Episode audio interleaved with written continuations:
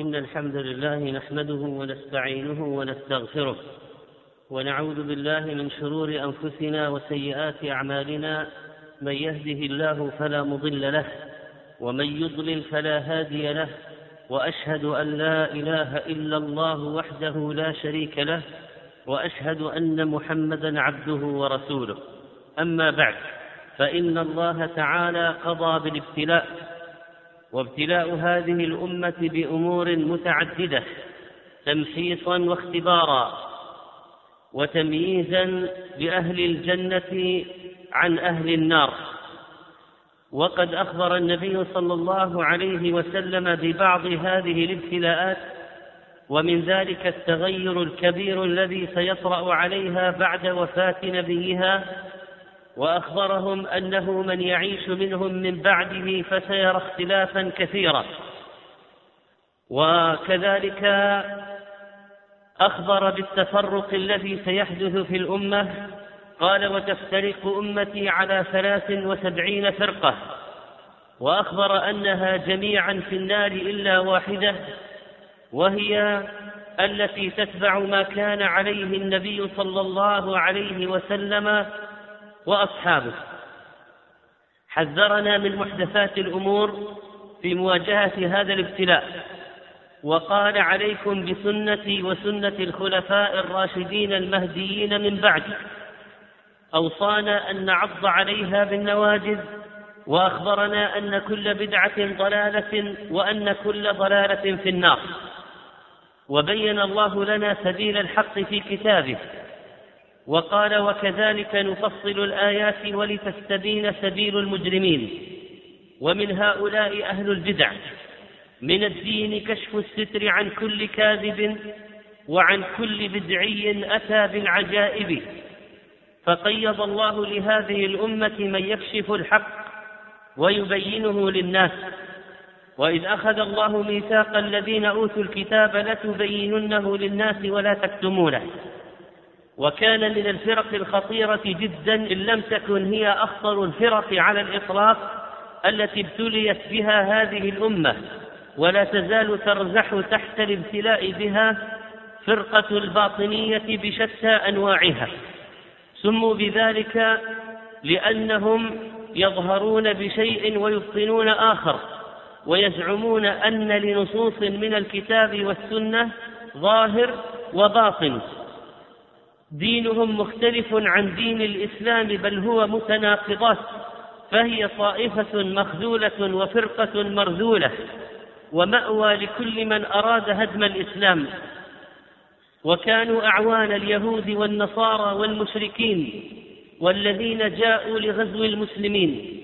وكذلك فإنهم في عدد من بلدان العالم الإسلامي قد أقاموا لهم كيانات في القديم والحديث. وينادي بعض الضلال في هذا الزمن بإعادة مجد العبيديين والدولة الفاطمية. وقد أصدرت اللجنة الدائمة للإفتاء بيانا حول هذا الموضوع يتعلق بهذه الدولة العبيدية الفاطمية وما تتصل به من المذهب الباطني الخبيث. قالت اللجنة في بيانها الحمد لله وحده والصلاة والسلام على من لا نبي بعده وبعد فإن الله عز وجل قد أمر باجتماع هذه الأمة ونهى عن التنازع قال تعالى ولا تنازعوا فتفشلوا وتذهب ريحكم ولن يحصل اجتماع الأمة إلا بالتمسك بالكتاب والسنة ولهذا أمر الله بالاعتصام بحبل الله المتين. قال تعالى واعتصموا بحبل الله جميعا ولا تفرقوا. وأمتنا الإسلامية وهي تواجه ما يحف بها من مخاطر متنوعة بأمس الحاجة إلى التمسك بكتاب الله عز وجل وسنة نبيه صلى الله عليه وسلم متوخية في ذلك نهج صحبه الكرام رضي الله عنهم. ولقد وجهنا الله سبحانه وتعالى إلى هذا المنهج القويم في كتابه الكريم. حيث قال سبحانه وأن هذا صراطي مستقيما فاتبعوه ولا تتبعوا السبل فتفرق بكم عن سبيله. فاجتماع الأمة ووحدتها وعزها في التزام ذلك الصراط المستقيم الذي سلكه نبينا صلى الله عليه وسلم. الذي قال تركت فيكم ما إن تمسكتم به لن تضلوا بعد أبدا. كتاب الله وسنتي وحيث إن النصح لله ولكتابه ولرسوله ولأئمة المسلمين وعامتهم من الواجبات الشرعية وكان من النصح لله ولكتابه ولرسوله ولأئمة المسلمين وعامتهم كتابة بيان حول ما تنوقل من دعوى المتكلم أن الدولة المسماة بالدولة الفاطمية هي دولة الإسلام التي يكمن فيها الحل المناسب في الحاضر كما كان حلا في الماضي. وهذا من التلبيس ومن الدعاوى الباطلة وذلك لعدة أمور منها. أولا أن تسمية تلك الدولة بالفاطمية تسمية كاذبة. أراد بها أصحابها خداع المسلمين بالتسمي باسم بنت رسول الله صلى الله عليه وسلم. وقد بين العلماء والمؤرخون في ذلك الزمان كذب تلك الدعوة. وأن مؤسسها أصله مجوسي يدعى سعيد بن الحسين بن أحمد بن عبد الله بن ميمون القداح ابن ديصان السنوي الأهوازي. وسعيد هذا تسمى بعبيد الله عندما أراد إظهار دعوته ونشرها ولقب نفسه بالمهدي. فالنسبة الصحيحة لدولته أن يقال العبيدية كما ذكر ذلك جملة من العلماء المحققين. ويظهر من نسب مؤسسها الذي ذكر آنفا أن انتسابهم إلى آل البيت كذب وزور وإنما أظهروا ذلك الانتساب لاستمالة قلوب الناس إليهم. قال العلامة بن خلكان في وفيات الأعيان والجمهور على عدم صحة نسبهم وأنهم كذبة أدعياء لا حظ لهم في النسبة المحمدية أصلا. وقال الذهبي في العبر في خبر من غبر المهدي عبيد الله والد الخلفاء الباطنية العبيدية الفاطمية. افترى أنه من ولد جعفر الصادق. وقد ذكر غيرهما من المؤرخين أنه في ربيع الآخر من عام أربعمائة واثنين للهجرة كتب جماعة من العلماء والقضاة والأشراف والعدول والصالحين المحدثين وشهدوا جميعا أن الحاكم بمصر وهو منصور الذي يرجع نسبه إلى سعيد مؤسس الدولة العبيدية لا نسب لهم في ولد علي بن أبي طالب وأن الذي ادعوه إليه باطل وزور وأنهم لا يعلمون أحدا. من أهل بيوتات علي بن أبي طالب رضي الله عنه توقف عن إطلاق القول في أنهم خوارج كذبة وأن هذا أي الحاكم بأمره الذي يزعم أنه فاطمي هو وسلفه كفار فساق فجار ملحدون وزنادقة.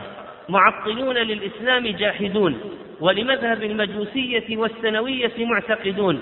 قد عطلوا الحدود وأباحوا الخروج وأحلوا الخمر وسفكوا الدماء وسبوا الأنبياء ولعنوا السلف وادعوا الربوبية وكتب كتب هذا سنة اثنتين وأربعمائة. وقد ذكر ابن كثير رحمه الله في كتاب البداية والنهاية بعد أن نقل هذا وقد كتب خطه في المحضر خلق كثير.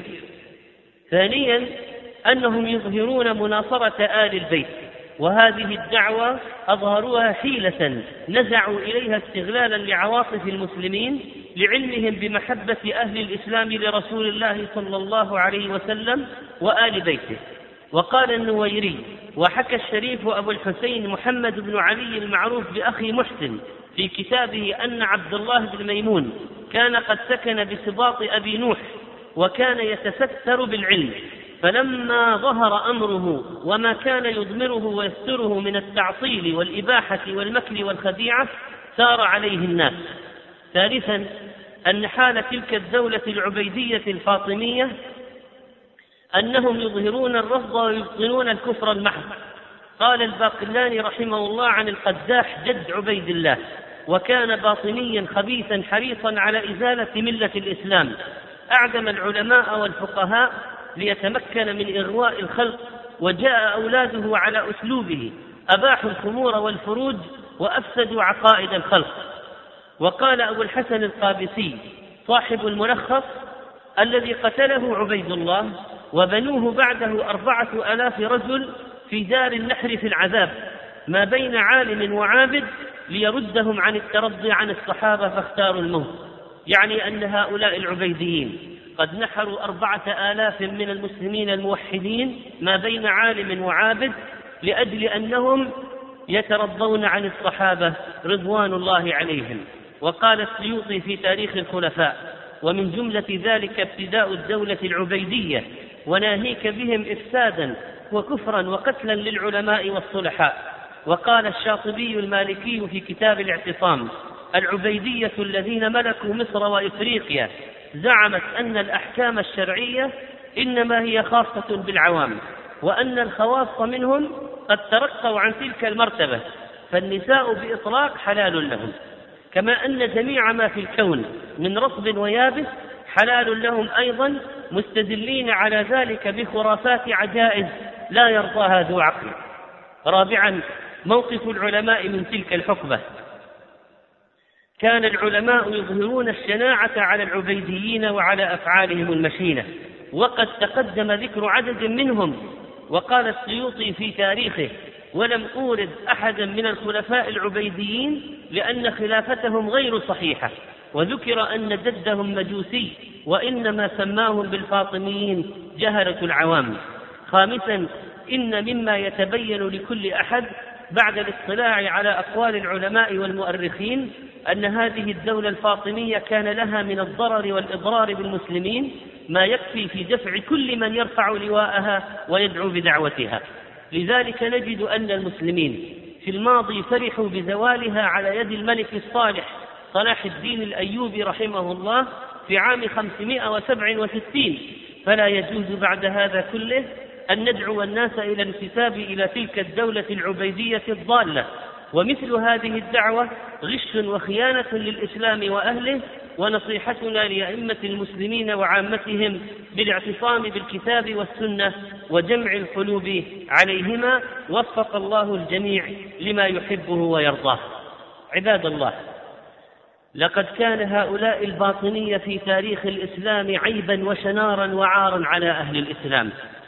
لقد كانوا نصراء لكل ملحد ويهودي ونصراني صليبي ممن غزوا بلاد الإسلام أو طغوا في البلاد فأكثروا فيها الفساد. وقد بدأ هؤلاء العبيديون الذين تسموا بالفاطميين زورا دعوتهم في بلاد المغرب.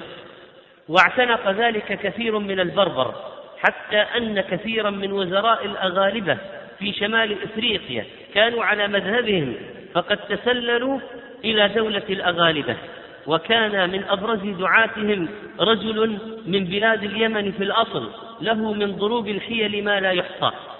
بدأ بنشر دعوتهم في بلاد المغرب ثم بسط نفوذهم في شمال أفريقيا. فوقعت في يده مدن عديدة وأعلن الفاطميون قيام دولتهم سنة 296 للهجرة إثر تغلبهم على الأغالبة في موقعة الأربس ثم اتجهت أنظارهم إلى مصر لوفرة ثرواتها وقربها من بلاد المشرق وأرادوا إقامة دولة مستقلة تنافس الخلافة السنية العباسية في بغداد. فوجهوا أكثر من حملة للاستيلاء على مصر. وفي سنة 358 عالج الخليفة العبيدي إلى جوهر الصقلي كتابا بالأمان وفيه أن يظل المصريون على مذهبهم ولا يلزموا بالتحول إلى المذهب الباطني وأن يجري الأذان والصلاة وصيام رمضان وفطر رمضان والزكاة والحج والجهاد على ما ورد في كتاب الله ورسوله. ولم يكن كتاب جوهر لأهل مصر إلا مجرد مهادنة وعندما وصل المعز الفاطمي إلى القاهرة سنة 362 ركز اهتمامه على تحويل أهلها إلى المذهب الباطني واتبع الفاطميون العبيديون في ذلك طرقا منها إسناد المناصب العليا وخاصة القضاء لأهل مذهبهم واتخاذ المساجد الكبيرة مراكزا للدعاية لهم كالأزهر وجامع عمرو ومسجد أحمد بن طولون وأمعنوا في إظهار شعائرهم المخالفة لأهل السنة في الأذان والاحتفال بالعاشر من محرم وهم أول من ابتدع عيد المولد النبوي. وقد صنف العلماء في بيان حقيقتهم كما تقدم وصنف الباقلاني كتابه كشف الأسرار وهتك الأستار في بيان فضائحهم. فما هي إنجازات هؤلاء العبيديين الذين تسموا بالفاطميين؟ لما غزا الصليبيون بلاد الشام وكان فيها أصلا من أهل ملتهم من فيها من أهل الصليب وكذلك الحشيشية وتغلب الفرنج على سواحل الشام حتى أخذوا القدس ونابلس وعجلون والغور وبلاد غزة وعسقلان وطبرية وبانياس وصور وعكا وصيدا وبيروت وصفد وطرابلس وأنطاكيا وجميع ما وراء ذلك من البلاد حتى آمد والرها ورأس العين وقتلوا من المسلمين خلقا وأمما لا يحصيهم إلا الله وسبوا ذراري المسلمين من النساء والولدان. في هذه البلاد التي فتحها الصحابة من الذين كانوا يمدونهم ويعينونهم؟ إنهم الباطنية الخبثاء. ولما قبض الحاكم بأمره زمام الأمور عمد إلى إصدار كثير من الأوامر والقوانين المبنية على مذهب الباطنية. ومن ذلك نقش سب الصحابة في جدران المساجد والأسواق والشوارع والدروب وصدرت الأوامر إلى العمال بمراعاة ذلك. وكذلك فعلوا لما ظهروا بتونس وأظهروا الباطنية القبيحة وسب الصحابة وكان أهل السنة بالقيروان أيام بني عبيد يعني في زمن هذه الدولة الفاطمية في حال شديدة من الهضم والتستر والاستضعاف كأنهم أهل ذمة. ولما أظهر بنو عبيد أمرهم ونصبوا حسينا الأعمى السباب في الأسواق للسب بأسجاع لقنها ومنها العن الغار وما وعى والكساء وما حوى. ولا شك أن الغار كان فيه النبي صلى الله عليه وسلم وأبو بكر وعلقت رؤوس الأكباش والحمير على أبواب الحوانيت وعليها خراطيس معلقة مكتوب عليها أسماء الصحابة واشتد الأمر على أهل السنة جدا. ثم غلا بعض دعاتهم في عبيد الله المهدي حتى أنزله منزلة الإله وأنه يعلم الغيب وأنه نبي مرسل. وهكذا قام من هؤلاء العبيديين من ادعى الألوهية. وقال ابن كثير رحمه الله في سنة إحدى عشرة وأربعمائة مات الحاكم ابن المعز الفاطمي صاحب مصر فاستبشر المؤمنون والمسلمون بذلك لأنه كان جبارا عنيدا وشيطانا مريدا كثير التلون في أفعاله وأحكامه وكان يدعي الألوهية كما ادعاها فرعون فأمر الرعية إذا ذكر الخطيب على المنبر اسمه أن يقوم الناس أثناء الخطبة على أقدامهم صفوفا إعظاما لذكره واحتراما له. وبلغ شره الحرمين الشريفين وكان قد أمر أهل مصر على الخصوص إذا قاموا عند ذكره خروا سجدا له حتى إنه ليسجد بسجودهم من في الأسواق من الرعاع وغيرهم. وكذلك أمر في وقت لأهل الكتابين بالدخول في الإسلام ثم أذن لهم بالعودة إلى دينهم. وابتنى مدارس لليهود وازداد ظلمه حتى عن له أن يدعي الربوبية وأمر الناس أن يقولوا إذا رأوه يا واحد يا أحد يا محيي يا مميت.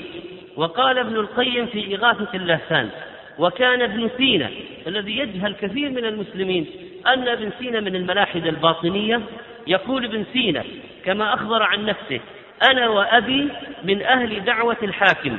فكان من القرامطه الباطنية الذين لا يؤمنون بمبدأ ولا معاد ولا رب خالق ولا رسول مبعوث جاء من عند الله. وهؤلاء زنادقة يتسترون بالرفض ويبطنون الإلحاد المحض وينتسبون إلى آل البيت زورا وعدوانا. قال ابن كثير في اعتدائهم على الحجر الأسود في حوادث سنة 413 جرت كائنة غريبة عظيمة ومصيبة كبيرة فقد جاءوا مع الحديد من مصر فلما طافوا وكان اليوم النفر الأول انتهى أحدهم إلى الحجر الأسود وقد أخفى آلة في يده فضرب الحجر بدبوس عظيم كان معه وهذه حديدة كبيرة ثلاث ضربات متوالية وقال إلى متى نعبد هذا الحجر؟ ولا أحد يمنعني فإني أهدم البيت اليوم حتى استطاع الحجاج على التغلب عليه وسقط من الحجر ثلاث فلق مثل الأظفار وبدا ما تحتها أسمر يقول ابن كثير يضرب إلى صفرة محببا مثل الخشخاش فأخذ بنو شيبة تلك الفلق فعجنوها بالمسك وحشوا بها تلك الشقوق التي بدت فاستمسك الحجر واستمر على ما هو عليه الآن وهو ظاهر لمن تأمله. يعني أثر هذه الخدوش فيه من البداية والنهاية. وكذلك لما قامت الفرنجة الصليبية بغزو ديار الإسلام كانوا قد اتفقوا معهم ودعوهم إلى مصر وفعلا جاء الفرنجة وحاصروا دمياط في سنة خمسمائة وخمس وستين وضيقوا على أهلها وقتلوا أمما كثيرة وجاءوا من البر والبحر. وكان من فضل الله أن رد كيد الفرنجة والعبيديين الذين كاتبوهم ففشلت تلك الحملة. ومن خياناتهم أنه لما أقبلت جحافل الفرنج إلى الديار المصرية وبلغ ذلك أسد الدين شيراكوه فاستأذن الملك نور الدين محمود من أهل السنة في الذهاب إليها للتصدي لهم فلما بلغه أنهم قد اجتمعوا واستشار من معه خافوا وهموا بالرجوع إلا واحدا من المسلمين في جيش أسد الدين شيركوه قال أما من خاف القتل والأسر فليقعد في بيته عند زوجته ومن أكل أموال الناس فلا يسلم بلادهم على العدو. وقال مثل ذلك صلاح الدين الأيوبي رحمه الله فعزم الله لهم فساروا نحو الفرنج فاقتتلوا قتالا عظيما فانتصر المسلمون والحمد لله. وكان العبيديون أصحاب تسلط وجور وقد سجنوا من المسلمين من سجنوا وحرموا الإفتاء بمذهب مالك رحمه الله ومن يتجرأ على ذلك يضرب ويسجن ويقتل أحيانا وأجبر الناس على الفطر قبل رؤية الهلال. ومن القصص التي حدثت قصة الإمام الشهيد قاضي مدينة برقة محمد بن الحبلى أتاه أمير برقة من جهة العبيديين فقال غدا العيد. قال القاضي نرى الهلال ولا أفطر الناس وأتقلد إثمهم. قال بهذا جاء كتاب الخليفة يعني العبيدي وكان ممن يفطر بالحساب ولا يعتبر الرؤية فلم يرى هلال ثاني يوم لم يرى الهلال فأصبح الأمير بالطبول والبنود وأهبة العيد فقال القاضي لا أخرج ولا أصلي. فأمر الأمير رجلا خطب وكتب إلى العبيد بما حصل فطلب القاضي إليه وقال تنصل وأعفو عنك فامتنع فعلق في الشمس إلى أن مات وكان يستغيث من العطش فلا يسقى وصلبوه على خشبة فلعنة الله على الظالمين. فهذا بعض من جرائمهم. نسأل الله أن يرد كيد الحاقدين على أهل الإسلام ونسأله سبحانه أن يعلي السنة وأهلها وأن ينصر الموحدين وأن يعز الدين. إنه قوي متين. عباد الله لقد أزال أولئك العبيديون آثار الخلافة في كثير من الأنحاء. وأصدروا الأوامر بإزالة أسماء من بنى الحصون والمساجد من المسلمين وجعلوا أسماء بديلة ودخلت خيولهم المساجد فلما أنكر عليهم قال قائلهم مستهزئا إن أواسها وأبوالها طاهرة. وهذا وإن كان صحيحا من الناحية الفقهية لكن تخبير المساجد حرام ودخول الدواب إلى مكان الصلاة إهانة لمكان الصلاة. وكانوا يعتمدون على اليهود في التوزير وجباية الضرائب والزكاة وكانوا يستشيرونهم في شؤون الاقتصاد والعلم والطب. ولما تولى العزيز الفاطمي الخلافة جعل وزيره اليهودي يعقوب بن كلف جعل له أمر تعليم الناس فقه الطائفة البغيضة الباطنية التي ينتمون إليها. حتى ألف هذا اليهودي نفسه كتابا في فقه هذه الطائفة. ولا عجب أن يثيروا المؤامرات والفتن والدسائس في طول البلاد وعرضها. فهكذا ديدنهم دائما. وقد ابتلوا أهل السنة ابتلاء عظيما. وكانت جرائمهم عبر التاريخ شاهدة على مذهبهم من الضلال وسوء الاعتقاد واتباع خطوات الشيطان والشرك الجلي والخفي واستحلال الدماء وكذلك فقد انطووا على الضغينة والكراهية وكانت لهم دول عبر التاريخ الإسلامي. ساموا فيها المسلمين أشد العذاب كدولة بني بويس وكذلك دولة العبيديين وكذلك الدولة الحمدانية على تفاوت فيما بينهم في الاضطهاد وكانت فرق الحشاشين والقرامطة تقوم بأنواع الغارات والسلب والنهب. ضلوا السبيل أضل الله سعيهم. بئس العصابة إن قلوا وإن كثروا. لا يؤمنون وكل الناس قد أمنوا ولا أمان لهم ما أورق الشجر. لا بارك الله فيهم لا ولا بقيت. منهم بحضرتنا أنثى ولا ذكر. قال شيخ الإسلام في منهاج السنة إنهم أصل كل فتنة وبلية ومن انضوى إليهم.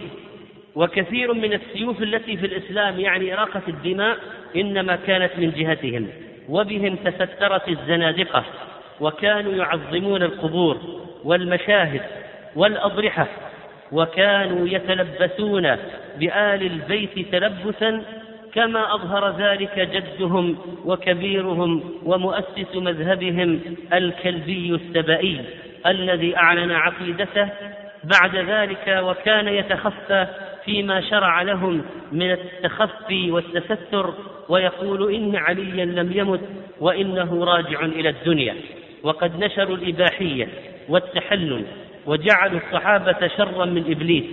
قال في المنهاج إنهم أقرب الطوائف إلى النفاق وأبعدهم عن الإيمان وإذا تمكنوا لا يرقبون في مؤمن إلا ولا ذمة.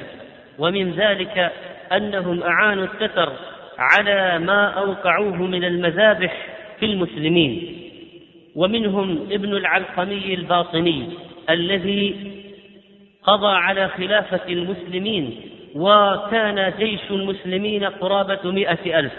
فلم يزل يجتهد في تقليلهم إلى أن لم يبق سوى عشرة آلاف فكاتب التتر وأطمعهم في أخذ بلاد المسلمين فنزل هولاكو على بغداد في الجانب الشرقي منها وهكذا جعل يتواصل مع ابن العلقمي الخبيث حتى أقنع الخليفة المستعصم أن يخرج إليه بمن معه من الأماثل والأفاضل والفقهاء وأشراف الناس ووجوههم على أن يعطى الأمان فلما وصلوا إليه واستكملوا قتلوهم جميعا رحمهم الله.